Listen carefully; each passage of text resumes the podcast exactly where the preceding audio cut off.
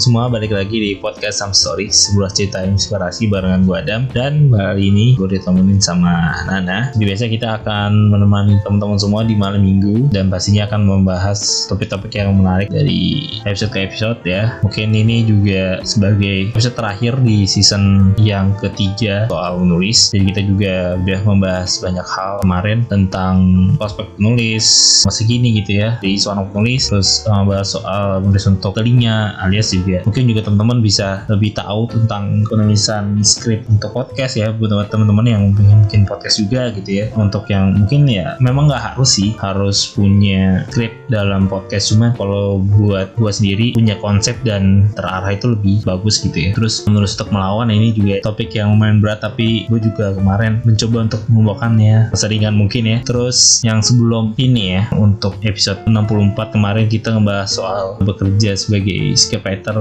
juga teman-teman juga lebih supaya lebih tahu mungkin gimana sih dibalik seorang scriptwriter ya. Itu scriptwriter mungkin ya nggak cuma YouTube film atau banyak hal sih. Scriptwriter kan bisa banyak hal ya. Mungkin kali ini juga akan kita akan mem tetap membahas seputar menulis yang ini juga lagi hype juga dan banyak orang yang lagi butuh banget soal pengetahuan soal ini sebenarnya. Ini hal ini hal yang menurut gua simple tapi ini penting banget dalam mungkin marketing ataupun apa pun sih gitu. Terutama kan sekarang dunia digital ya ini penting, penting banget sih. Nah kali ini mungkin kita akan bahas apa nih? Untuk kali ini kita masih bahas yang seputar hal yang sama yang kayak tadi seputar dunia tulis menulis. Nah kali ini tuh kita mau bahas yang yang tadi udah disebutkan nih kayak udah banyak banget orang-orang tuh yang bekerja di bidang ini gitu. Hmm. ada di dunia marketing kan dan lain-lainnya juga tuh banyak yang membutuhkan skill ini. Dan dari aku sendiri pun penasaran banget nih sama yang ini gitu loh sesuatu hal yang ini yang hari ini kita mau bahas. Hmm. karena aku sendiri juga pengen kan punya kemampuan menulis yang baik gitu aku udah nggak sabar sih buat bahas tentang ini. Oke kita langsung aja nih. Kita kan mau bahas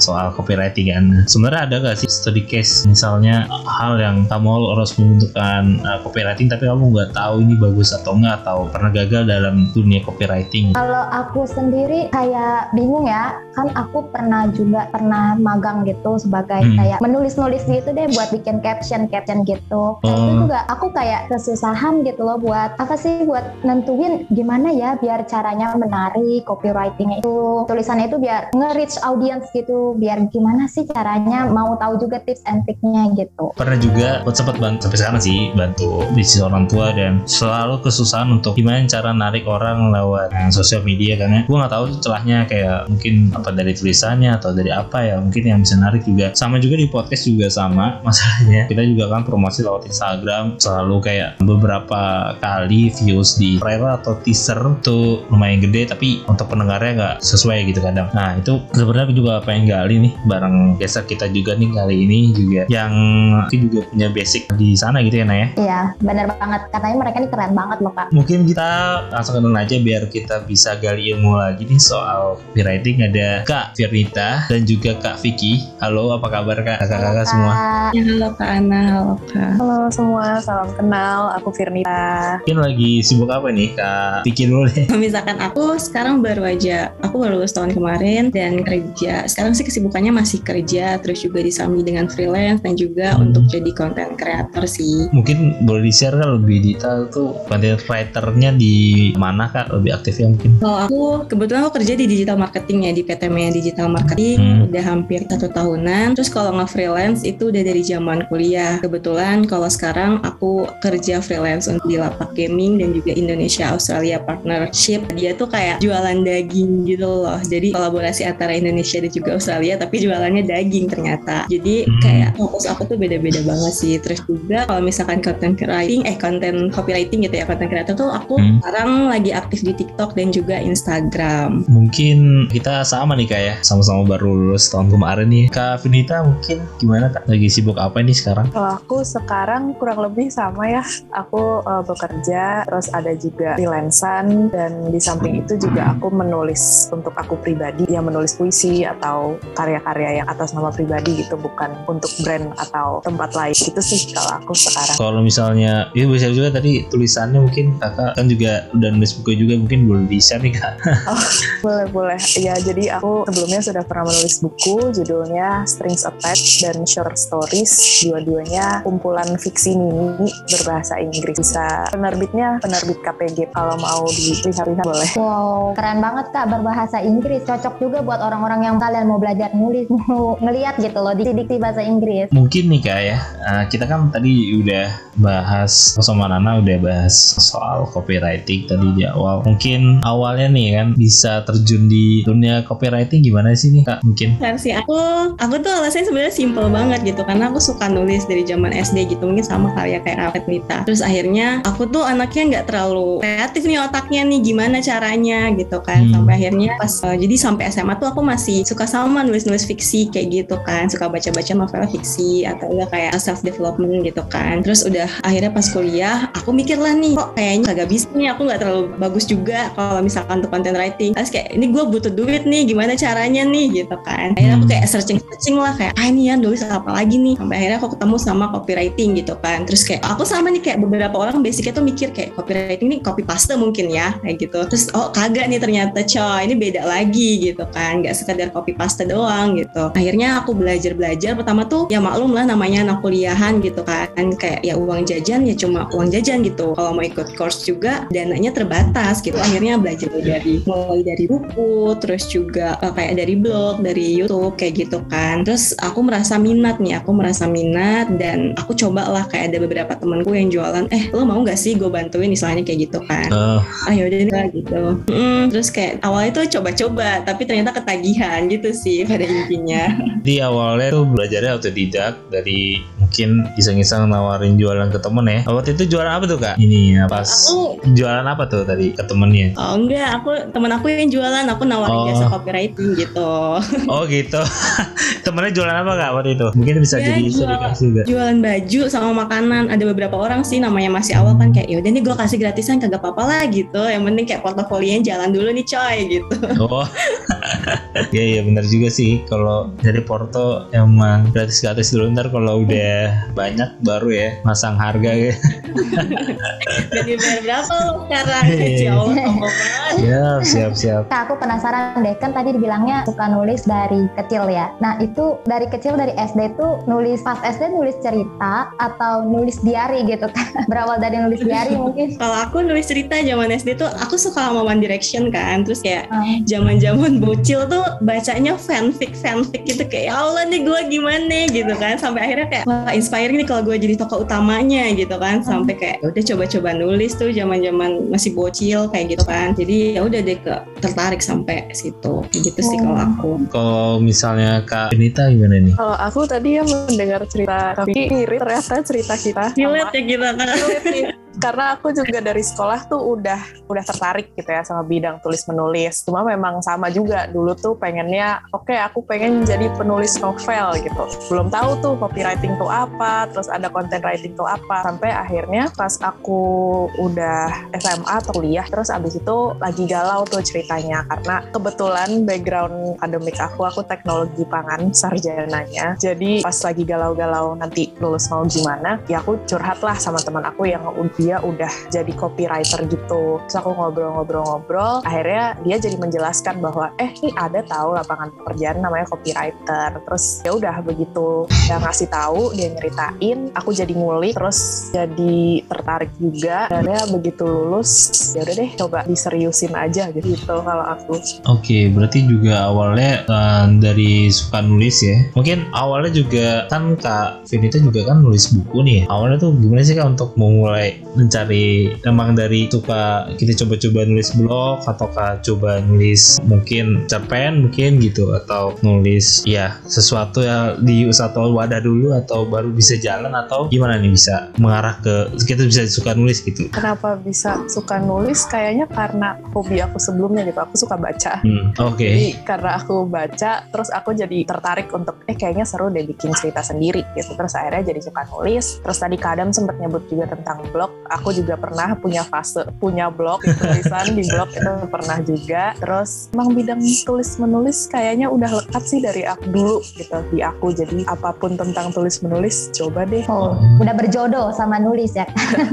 Kayaknya sih gitu ya. Iya, aku juga sih pernah nulis blog juga. Gara-gara awalnya tuh kuliah kan biasa aku disuruh buat blog itu karena untuk ceritain kayak selama ospek gimana kan waktu itu. Sebelum itu aku juga buat sebenarnya, cuman kayak belum tahu harus diapain blog terus kayak setelah waktu itu tahun 2016 terus untuk yang awal kuliah itu terus lanjut lagi di tahun kalau salah mulai 2017 18 19 itu baru lanjut lagi untuk nulis ya. Karena aku sempet sempet ikut-ikut kelas juga. Sayang banget kan kalau nggak diaplikasiin ya kak.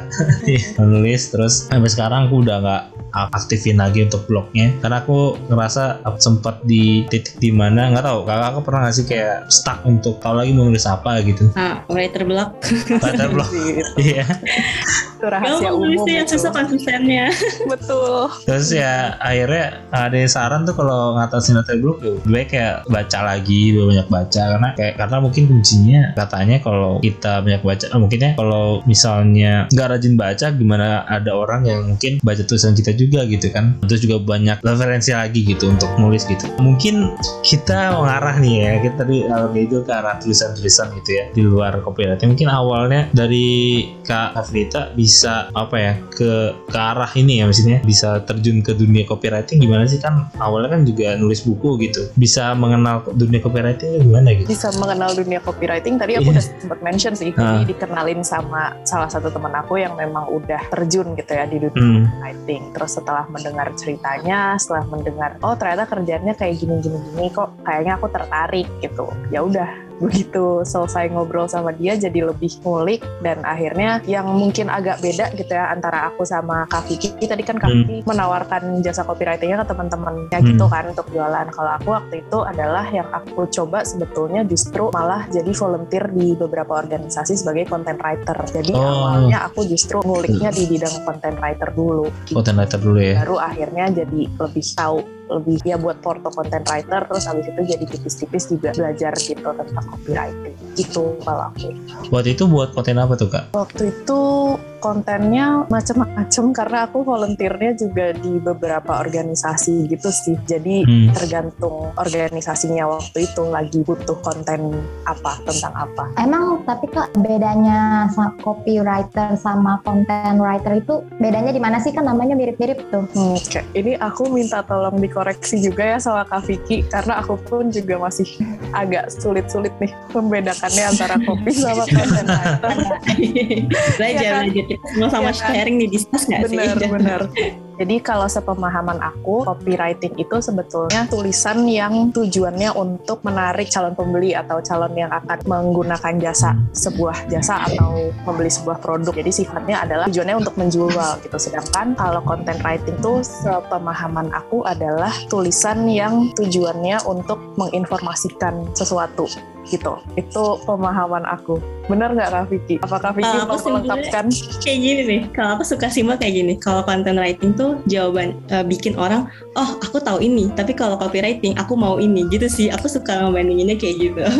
Jadi kalau setelah baca informasi dia jadi tahu. Terus kalau misalkan dia baca copywriting dia jadi mau. Kayak gitu.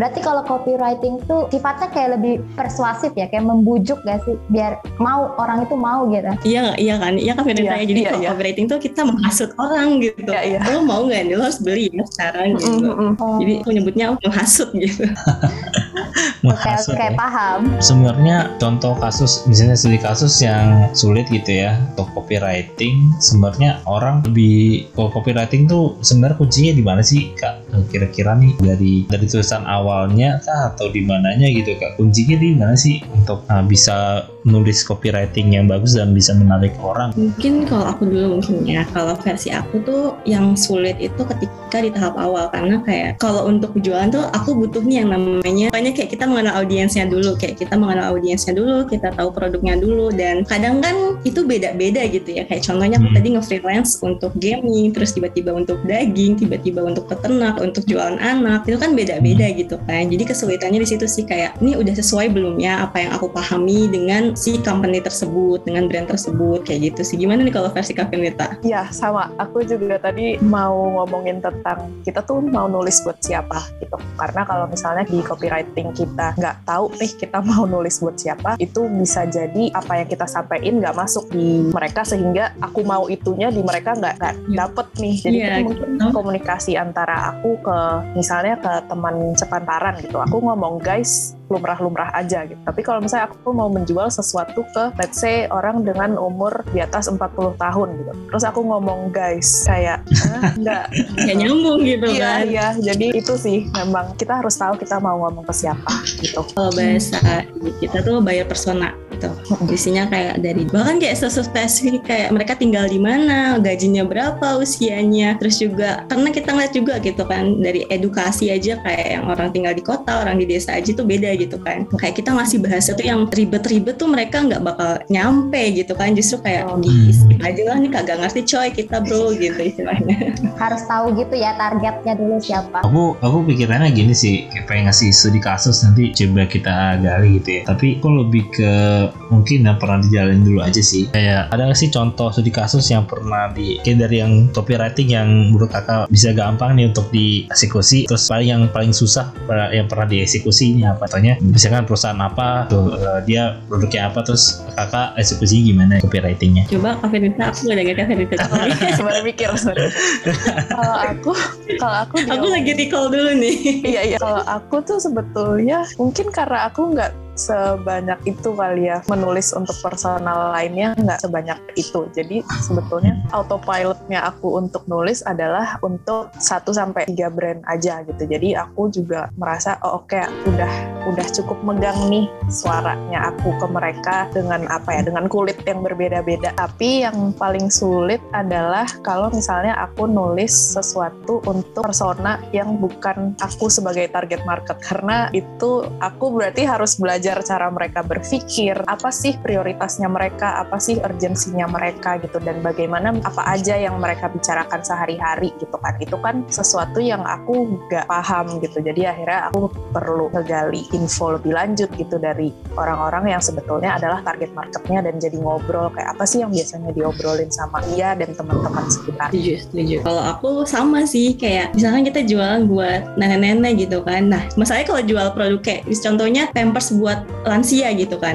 Itu nggak mungkin kan yang lihat iklannya tuh nenek-nenek gitu kan. Otomatis yang beli tuh si anaknya. Nah, itu kayak kita harus teliti lagi tuh kayak oh ini Pampersnya buat lansia nih. Kagak mungkin kan yang nenek-nenek baca Facebook, nenek-nenek baca Twitter gitu kan. Itu betul apa dulu nih gitu. Kalau versi aku yang tersulit tuh aku jadi ada klien dia game. Karena Hmm. aku basicnya nggak suka main game gitu kan. Aku Hmm. tuh anaknya kayak lebih suka baca gitu. Di mana posisinya itu jual gamingnya tuh kayak top up gaming gitu loh. Itu nggak cuma kayak satu MLBB doang Free Fire doang itu sampai aku tahu istilah-istilahnya gitu kan. Itu Hmm. aku nggak suka nih main game. Aku main pe aku main lah main ML gitu kan. Terus aku kayak nonton bocil-bocil FF lah kayak gitu. Nah itu sih kesulitannya. Kayak aku harus coba terjun dulu. Aku sampai kayak beberapa kali gitu ya Fik ini tuh kurang gini gini gini gini gitu kan. Gak, ya is- istilahnya nggak sesuai dengan apa yang mereka mau gitu kan. Nah dari situ loh kayak aku tuh tipe orang yang kalau misalkan udah lo kurang bagus nih aku tuh malah buktiin oh gue bisa loh kayak gitu. Aku malah makin Hmm. pengen show up gitu. Jadi di situ sih kesulitannya kayak gamingnya beda-beda terus juga bahasanya beda-beda terus aku makin tahu lah kayak ini tuh anak-anaknya masih bocil loh masih 11 tahun lo gimana caranya gitu kan. Mulai dari platformnya beda gitu kayak anak-anak yang mainnya tuh misalkan FF gitu ya itu bocil-bocil pada mainnya di Facebook terus kalau di Instagram ya kan kayak gitu terus di Twitter nggak ada lo main di TikTok tuh bahasanya harus jedak jeduk kayak gini gini gini gini oh ya I see gitu kan. Mungkin kesulitannya di situ sih kayak itu paling susah gitu karena kalau misalkan untuk yang tadi red meat atau jualan anak-anak itu aku masih nyampe lah gitu masih bisa aku baca aku raba gitu kan. Tapi kalau untuk gaming tuh aku harus terjun nih main gamenya harus tahu pengalamannya kayak gitu. Karena bukan hal-hal yang kita biasa pakai gitu iya ya. Iya betul banget ya nih nggak ngerti nih gitu Harus ngerti dulu sebelum membuat tulisan. Benar, benar, sampai salah gitu kan ntar kayak pelanggannya malah ya gertian gue daripada yang jualannya gitu kan malu nanti jadi backfire bener gak sih Kak Firnita? bener-bener Kayak- iya Benar, benar, benar. Aku soalnya ngalamin juga kayak, kayak ini sih ibaratnya kan podcast sebuah produk juga ya gitu kan setiap episodenya gitu. Aku pernah ngalamin hal yang aku nggak tahu banget itu soal makeup waktu itu bahasnya. Terus kayak benar-benar bingung banget ngerabanya kan aku nggak nggak pakai makeup kan. Terus kayak gimana nih cara bawainnya gitu kan. Oh berarti caranya harus kalau podcast nyari orang yang ngerti lebih soal itu dan aku bisa ngegali dan juga aku juga sedikit apa ya riset-riset bener kan. Riset tuh penting banget sih. Jangan sih, jangan sampai kayak kita terjun tapi nggak tahu eh kita berenang tapi nggak tahu cara berenang gitu kan. Iya. Tenggelam aja gitu. betul Betul. Oke kak, kan kalau tadi kayak kesulitannya tuh ke dalam mempelajari copywriting. Nah kalau sekarang mau tanya nih ke Kak Firnita sama Kak Vici dalam pas mempelajari copywriting tuh hal menariknya apa sih dari copywriting gitu? Biar sampai-sampai kerjaannya tuh jadi di copywriting juga gitu. Apa yang bikin menarik? Pasti mau jawab kerjanya sesuai dengan passion gak sih?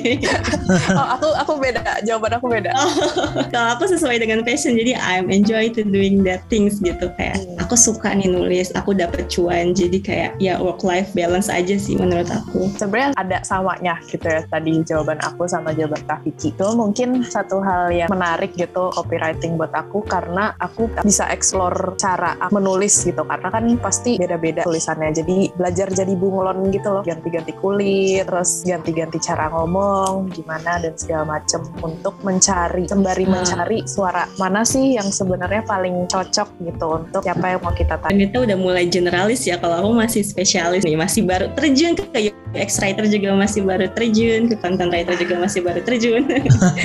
Okay. Dari awal ya, sudah merencanakan generalis kalau aku masih kan dulu gitu. Berarti kayak melatih kreatif gitu ya Kak, Kak Firnita ya berarti. Kalau apa kan kayak bunglon gitu, jadi beda-beda iklannya. Kita terpaksa harus berpikir kreatif gitu. Betul. Itu tadi kan ini ya. Tadi Kak Vicky ya mention kalau surveillance dan juga bisa dapat uang lah dari sini gitu kan, dapat pundi-pundi rupiah lah gitu kan. Terus gimana caranya kita sebagai orang yang pengen terjun juga gitu ya untuk ke dunia ini untuk bisa sampai ke level itu gitu. Bisa dapat cuan dari sini gitu.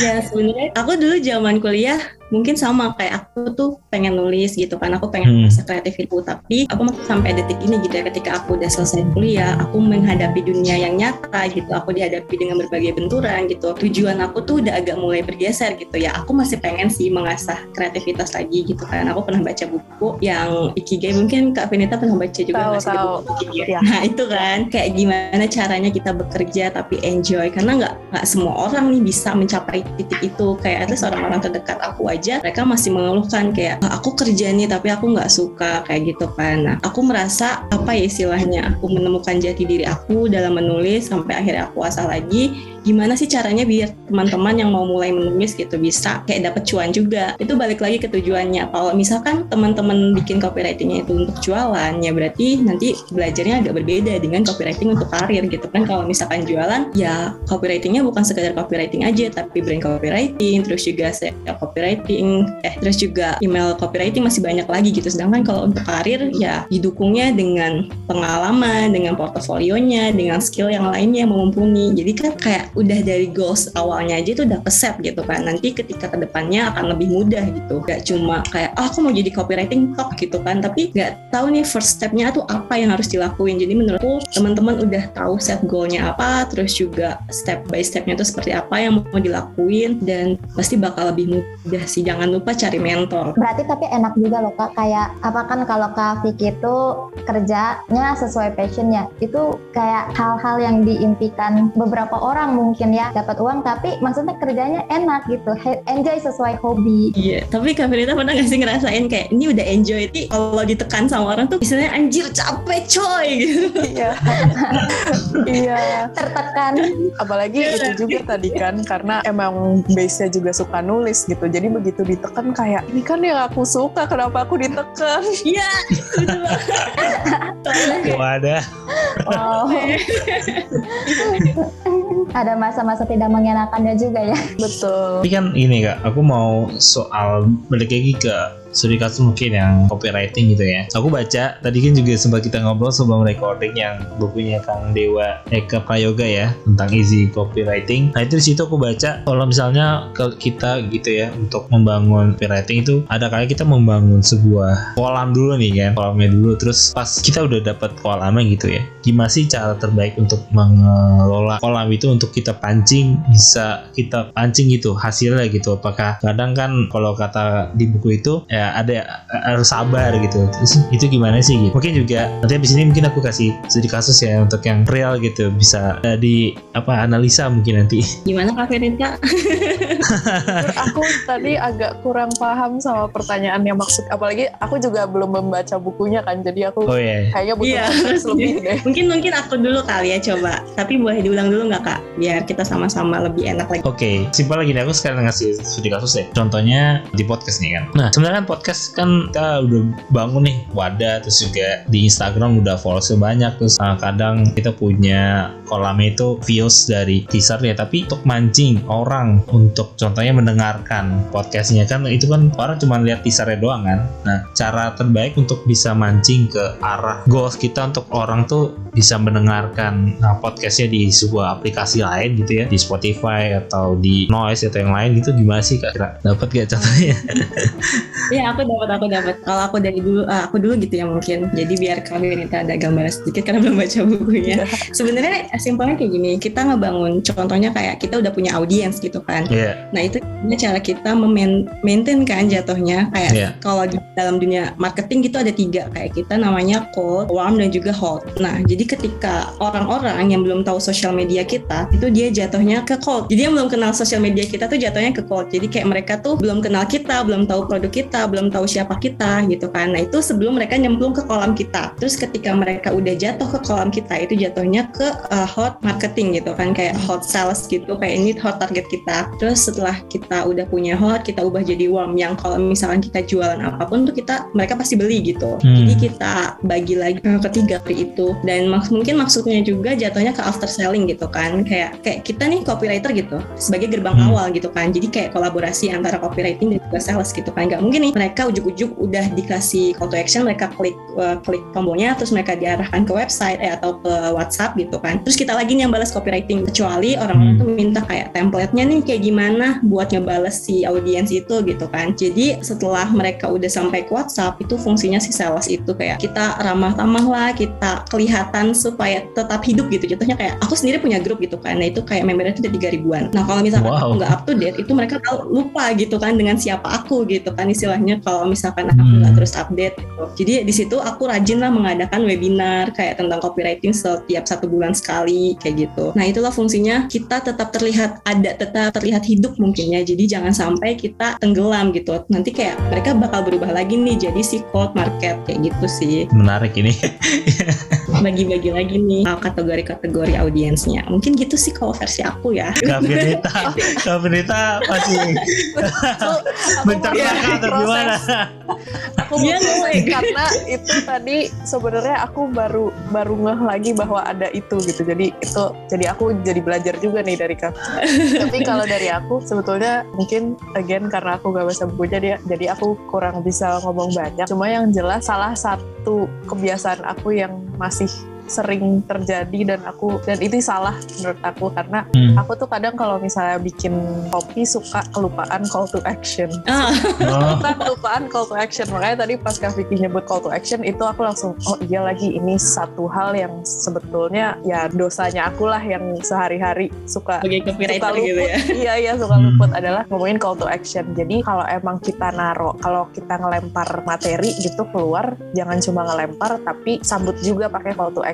ini materi yang dilempar mau diapain nih? Kalian beli kalian daftar atau kalian apa gitu. Aksinya sama materi yang kita lempar tuh apa? Jadi tadi sempat ngomong tentang teaser. Teaser ngelempar teaser tuh mungkin iya kita ngelempar materi. Tapi terus kalau misalnya kita abis ngelempar dan nggak ngasih tahu harapannya orang itu bakal ngapain sama materi itu ya itu bakal jadi jembatan jembatan bolong gitu tengah call to action. Daftar sekarang beli sekarang apa lalala dan sebagainya. Jadi orang ngerasa kayak, oh aku masih disambut nih gitu gak sih?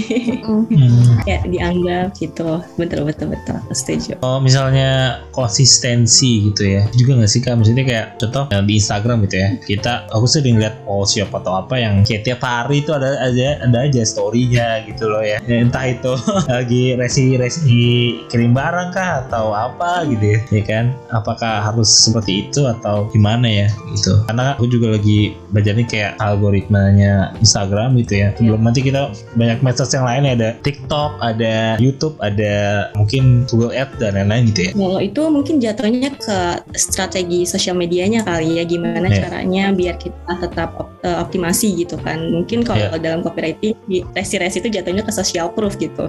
jadi kayak yes, ada lagi nih. Jadi kayak 9 dari 10 orang gitu kan. Jadi kayak orang-orang tuh oh ini Hmm. produknya udah ada yang make nih karena zaman sekarang kita kan melihat produk gitu ya. Tapi nih orang nggak ada yang pernah beli. Contohnya kayak di Shopee gitu. Kita pasti nyarinya yang ratingnya bagus, terus juga udah ada testimoninya. Nah, jadi kalau misalkan yang jualan jadi bisa difungsikan juga tuh si social proof-nya gitu. Bakal kalau misalkan balik lagi ke sosmednya biar kelihatan muncul terus, biar tetap terbaca nih. Soalnya kalau sosial media kan agak sensi gitu ya. Kalau kita udah Iya. ngapus, eh, kita udah dikiranya kagak hidup kali istilahnya ini bukan manusia gitu. Bener sih, aku juga ngerasa mungkin di kalau misalkan ngelola sendiri kadang suka lupa ngepost gitu. Terus juga kadang bahan bahannya ini terbatas juga gitu kan. Gitu sih keresahan. Aduh, tinggalan nih lagi sibuk ini jadi lupa nih mau ini ini ini. Susah sih Iya. emang yang namanya konsistensi itu bener-bener ya PR banget. PR betul betul. Aku jadi ke recall lagi nih tadi yang Kak Vicky Hmm. ngomong kalau misalnya kita nggak ngepost setiap hari atau nggak menunjukkan sosial media eksistensinya kita, bisa jadi market yang awalnya apa tadi hot ya, eh, hot atau Iya, hot, warm, hot, hot, hot. Ah, hot Hot. atau warm tiba-tiba jadi cold gitu kan karena kita nggak menunjukkan di eksistensi kita takutnya kan bakal kayak gitu juga Iya, kita udah mulai lagi siapa ini Vicky, siapa ini gitu, siapa ini Kak Fernita gitu, siapa ini podcast Some Story. Jadi kayak ya lupa lagi nih orang gitu.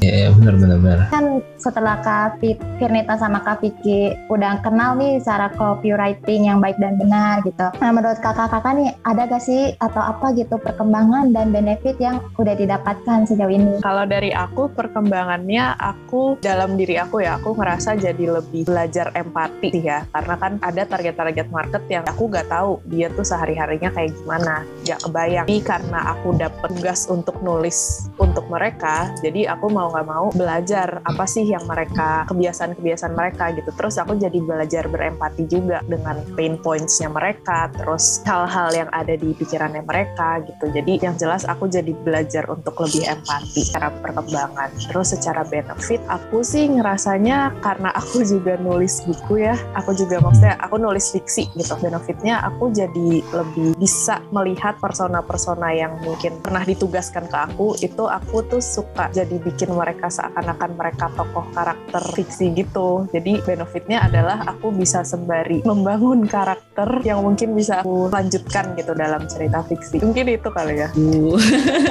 keren keren keren. Wow, wow. eh, kalau versi aku ya, kalau aku ada dua sih, tergantung kayak misalkan untuk perkembangan diri aku dan juga mungkin sama tadi untuk karir. Kalau untuk perkembangan diri aku ya aku emang bener tadi kita belajar empati, simpati karena ya slice of copywriting itu psikologi gitu kan. Tapi secara garis besarnya aku merasa perkembangan aku tuh jadi seseorang yang meng, ya tadi kenal dunia banyak hal gitu. Karena kan tadi target audiensnya beda-beda kita lebih kenal dengan banyak orang. Terus juga aku lebih banyak kenal dengan kayak istilahnya kita curhat nih ngobrol sama orang gitu kan. Kayak aku Hmm. selalu mendengarkan. Jadi sebenarnya copywriting itu bukan cuma baca juga tapi mendengarkan dari mendengarkan. Jadi kayak kolaborasi antara semuanya gitu. Aku jadi banyak ngobrol dengan orang gitu kan. Terus juga aku lebih mengasah sisi kreatif aku terus aku lebih mengembangkan sisi mindset sebagai copywriting dan akhirnya aku bisa menulis dengan baik gitu ya dan benar sebenarnya benar tuh sesuai dengan target audiens gitu kan. Terus juga kalau misalkan untuk karir alhamdulillah gitu ya kayak mulai dari aku kuliah yang aku awalnya bingung mau ke mana gitu sampai udah beberapa dapat opportunity untuk ngisi materi untuk dapat kesempatan. Dan selain itu copywriting juga nggak cuma untuk jualan menurut aku tapi untuk pitching ketika kita mengenalkan diri kita kepada orang lain dalam 60 detik kan otomatis kita harus mengkonsep dulu kan. Jadi Hmm. ya itu menurut aku fungsinya juga gitu. Belajar pitching terus juga selain itu aku bisa berbagi materi berbagi informasi berbagi banyak pengetahuan kepada orang-orang eh, tentang copywriting. Dan sampai untuk karir aku udah mulai lanjut ke UX writing terus juga eh, content writing. Itu menurut aku sebuah benefit gitulah benefit dari aku. Selain kita melihat dari sisi materinya kita pasti dapat dapat gitu kan karena kita bekerja secara profesional kayak gitu sih jadi ya kita dari sisi banyak hal empati emosi psikologi semuanya dapat gitu Bener-bener dari berbagai sisi ya dapat manfaatnya. iya alhamdulillah ya nggak sih kak Firnita Iya, iya. Heeh. Tadi kan juga kalau misalkan kita sih nanyain soal um, gimana caranya untuk membangun copywriting untuk sebuah brand gitu ya. Mungkin tadi kuncinya tadi tiga tadi ya, yang membangun sebuah kolam itu tadi. Mungkin kalau misalnya lebih ke, lebih ke bahas soal kira-kira aplikasi apa yang sekarang yang lebih bagus lah untuk uh, copywritingnya juga lebih gampang masuknya dan aplikasi apa yang menurut sekarang tuh lebih susah mungkin copywritingnya gitu. aplikasi itu maksudnya Nah, aplikasi kayak Instagram, Iya, bener. TikTok, iya, oh, iya, platformnya platformnya Iya. maksudnya, iya. aku mikirnya aplikasi apa Iya. Kan aplikasi Iya. copywriting atau apa gitu. iya iya betul tools tools aku mikirnya tools gitu Iya. Kalau untuk platform, menurut aku yang paling nggak ah, sekarang tuh lagi boomingnya tuh TikTok gitu ya, karena Iya. orang tuh Tuh. Heeh, kalau misalkan tapi selain itu kalau tergantung nih tergantung. Kalau misalkan mau branding mungkin ke Instagram. Kalau misalkan mau biar menjangkau lebih banyak audiens itu ke TikTok. Tapi untuk ads kita mainnya ke Facebook gitu. Jadi kita Hmm. apa iya kita kategorikan lagi nih kontennya apa, goalsnya apa karena bakal be- beda-beda beda media, beda strategi, beda aplikasinya gitu kan. Kalau misalkan TikTok kita butuh yang singkat-singkat aja video yang nggak terlalu butuh estetik tapi dia visualnya dan juga kata-kata dan musiknya itu mendukung. Terus kalau misalkan di ad, Facebook Ads tuh targetnya siapa? Karena mungkin beberapa orang bilang gitu ya, kayak Facebook tuh udah nggak ada orang. Tapi kalau kita yang jualan, kita masih mengoptimalkan Facebook gitu. Banyak nih orang-orang yang pakai Facebook durasinya maksimal kalau untuk iklan 15 detik. Terus juga kata-katanya jangan lupa istilahnya copy, terus juga headline dan juga call to action. Instagram kita butuh yang agak-agak estetik gitu ya. Terus juga musiknya yang kalau misalkan itu Instagram dibagi lagi apakah mau di reels, apakah mau di feeds, apakah mau di story itu masih banyak banget kalau misalkan kita mau terjun ke sana gitu platformnya. Kayak gitu sih versi aku. Iya tadi bener juga sih termasuk aku ya awalnya juga belum tahu soal mungkin copywriting dan soal ads adsan gitu ya aku pikir Facebook udah gak ada yang lihat gitu ternyata ah, masih banyak juga untuk ads ya karena juga kalau Instagram pun juga sebenarnya nyambung juga kan ke Facebook sih. Jadi Ah, ah. kalau misalkan mau dari Facebook tuh bisa ke Instagram, tapi Instagram belum Hmm. bisa ke Facebook gitu sih. Kalau Kak Finita masih ini nggak sih kayak Facebook Facebookan juga? Ya kak Facebook aku sebagai pengguna udah nggak pakai. Cuma iya aku juga Iya. suka tetap dapat request untuk ke Facebook gitu karena oh oke ternyata masih ada nih orang-orang di Facebook. Cuma tadi aku juga sekalian mungkin mau nambahin juga kayak kalau misalnya platform itu sebetulnya balik lagi ke objektifnya sih. Kayak kalau misalnya balik lagi gitu ke target market. Let's say kita mau jualan ke ibu-ibu umur 30 sampai 40. Terus ada sentimen bahwa eh TikTok tuh lagi naik banget loh, TikTok lagi naik banget. Terus langsung tuh semua orang kayak ayo ayo bikin TikTok, ayo ayo bikin TikTok. Tapi balik lagi, pertanyaan kedua adalah ibu-ibu umur 30 sampai 40 itu main TikTok atau enggak? Karena jangan sampai kita tuh apa ya, ngebuat sesuatu yang justru malah nggak ada nggak ada yang nonton gitu di sananya. Padahal kan sebenarnya kita pengen jualan tapi masyarakat yang mau kita jualin di situ nggak ada gitu. Jadi emang kalau platform perlu ditanya lagi sih objektifnya apa. Kenapa mau bikin TikTok? Emang ada target marketnya di TikTok atau kayak kenapa kita perlu bikin Twitter? Emang ada target market kita di Twitter? Kayak gitu sih kalau untuk platform. Buat kayaknya. menambah brand awareness ya dari orang Betul. lain tuh bisa aja pakai semua platform kayak ngumpulin kolam ntar dia jadi target audiens kita itu sih. Eh, berarti sekali lagi kita harus ini ya lihat target marketnya. Terus tahu aku juga ya, aku kan juga nulis kerja nulis caption gitu kan. Itu tuh aku, kerjanya. aku kerjanya sebagai konten marketing sih aslinya, Oh. intern. Cuman jadi nulis-nulis juga, disuruh nulis juga. mau nggak mau nulis juga ya. Ya itu aku kan pernah bikin tuh kayak caption buat satu post tuh langsung ke Facebook sama ke Instagram kan ya. Tapi aku juga harus milih-milih kata gitu loh kayak soalnya di Instagram tuh setahu aku terbatas ya katanya cuma bisa sampai 2000 karakter. Makanya pas aku masukin ke Facebook bisa, eh tapi kok di Instagram nggak bisa. Nanti kan jadinya kayak beda beda apa ya, beda caption gitu antara Facebook sama Instagram gitu. Mau nggak mau harus di cut cut lagi. Iya.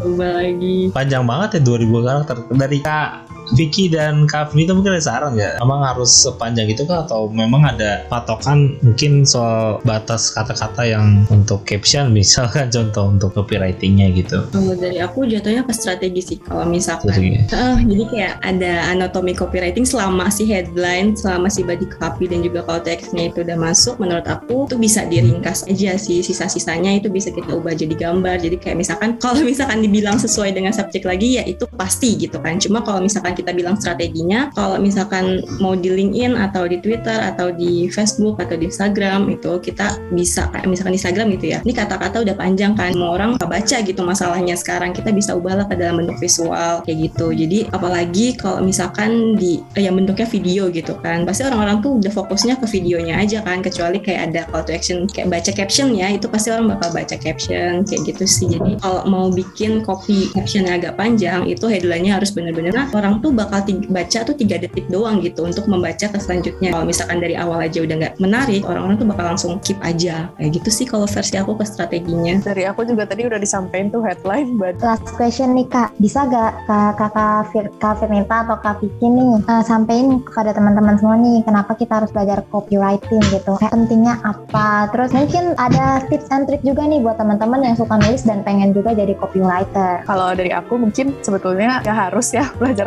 copywriter. Tergantung kalau kalau emang butuh iya belajar, tapi kalau nggak butuh ya nggak usah, nggak harus nggak harus belajar copywriter. Cuma memang aku merasa copywriting itu salah satu skill yang mungkin bisa bermanfaat juga dalam seharian. Soalnya apalagi kalau misalnya mau punya side project atau side side hustle gitu kan, itu kan artinya kalau misalnya punya side project side hustle berarti akan ada ada hal yang ingin kalau kita tawarkan ke orang lain dan kalau misalnya kita mau menawarkan sesuatu ke orang lain bisa tuh di situ copywritingnya dipakai di situ. Cuma kalau misalnya nggak ada urgensinya, apa-apa nggak harus belajar copywriting. Biarkan copywriter-copywriter yang sudah ada Yang bekerja. berkolaborasi dengan kamu.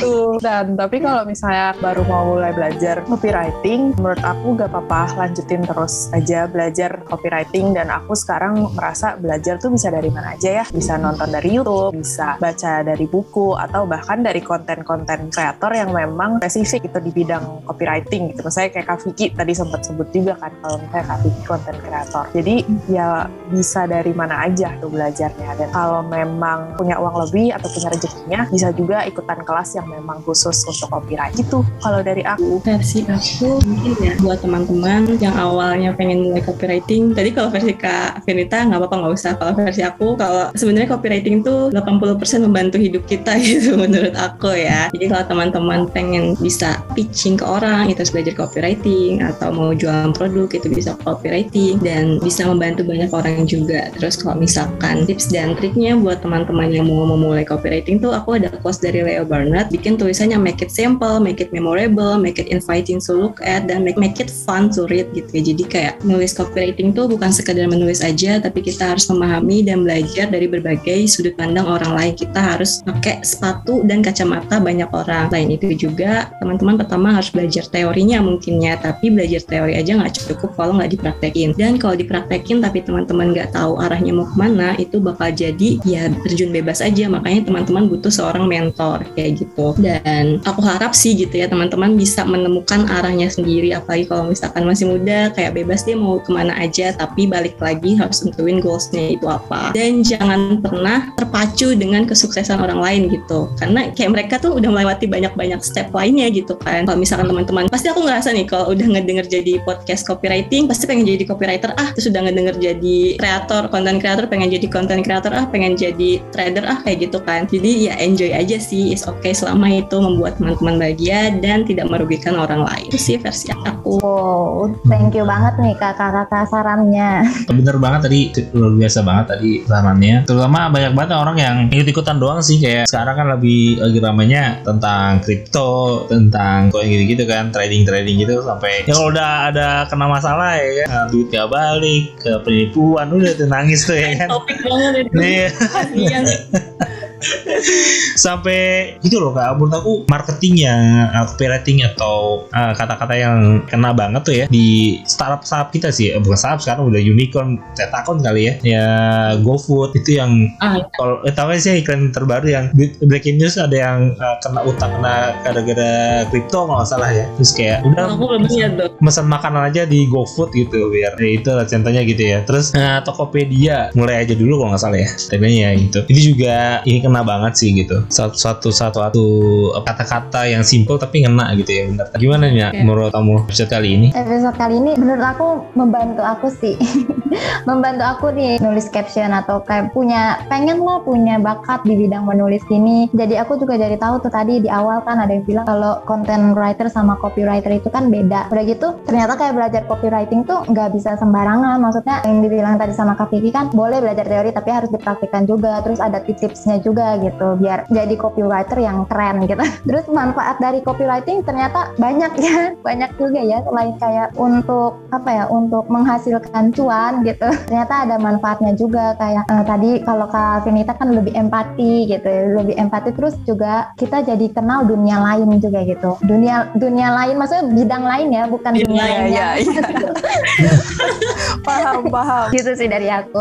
Oke, ini mudah-mudahan teman-teman semua bisa dapat insight kali ini. Thank you banget Mah udah sharing ya tentang copywriting. Nah, kalau misalnya ada teman-teman juga nih yang mungkin pengen lebih tahu lagi atau nanya-nanya lagi nih yang mungkin belum sempat tertanya ya karena batas terbatas oleh durasi nih, mungkin bisa ke mana nih atau juga mungkin dari Kak Vicky dan Kak Vinita mungkin bisa share apa pun yang project yang dijalani atau sesuatu yang mau di-share nah, mungkin terdekat gitu ya. Kalau aku kalau misalnya mau reach out lebih bisa ke media sosial aku @firnita F I R N N I T A. Terus di samping itu mungkin project yang lagi jalan aku nggak ada jadi mungkin aku promosinya project yang udah selesai aja. Aku put, tadi sempat mention juga aku udah menulis dua buku ada strings attached dan short story. Jadi kalau mau dicek bisa dicek di gramedia.com. Ntar aku juga mau ikutan nih Kak. Kalau aku bisa reach me up di Fikhi F I Q H I Ashab S H A B. Terus juga kalau di TikTok at tukang nulis Shopee. Terus juga di situ di Instagram bisa langsung aja teman-teman kalau mau gabung di grup uh, copywriting yang gratis itu aku ada dengan teman-teman lainnya udah ribuan member alhamdulillah. Terus juga aku sedang ada ongoing project untuk kelas yang berbayar dan of course itu pasti materinya bakal lebih daging banget dibandingkan yang gratis. Dan kalau misalkan mau tahu tips dan trik yang dasar-dasar tentang copywriting itu bisa follow aku aja di kedua sosmed itu. Thank you untuk teman-teman podcast Some Story yang udah denger podcast kali ini semoga bermanfaat. Jangan lupa di follow ya teman-teman ya. Kalau buat ma- teman-teman yang masih pengen nanya gitu. Dan juga kalau ada teman-teman yang ingin bekerja sama atau ada ide untuk konten podcast Some Story selanjutnya, hit us up on Instagram at podcast underscore some story dan juga bisa melalui email kita podcastsomestory at gmail.com. Thank you buat teman-teman yang sudah mendengarkan podcast Some Story episode ke-65 bersama Kak Vicky dan juga Kak Venita and see you on the next episode. Dadah. Dadah. Thank you.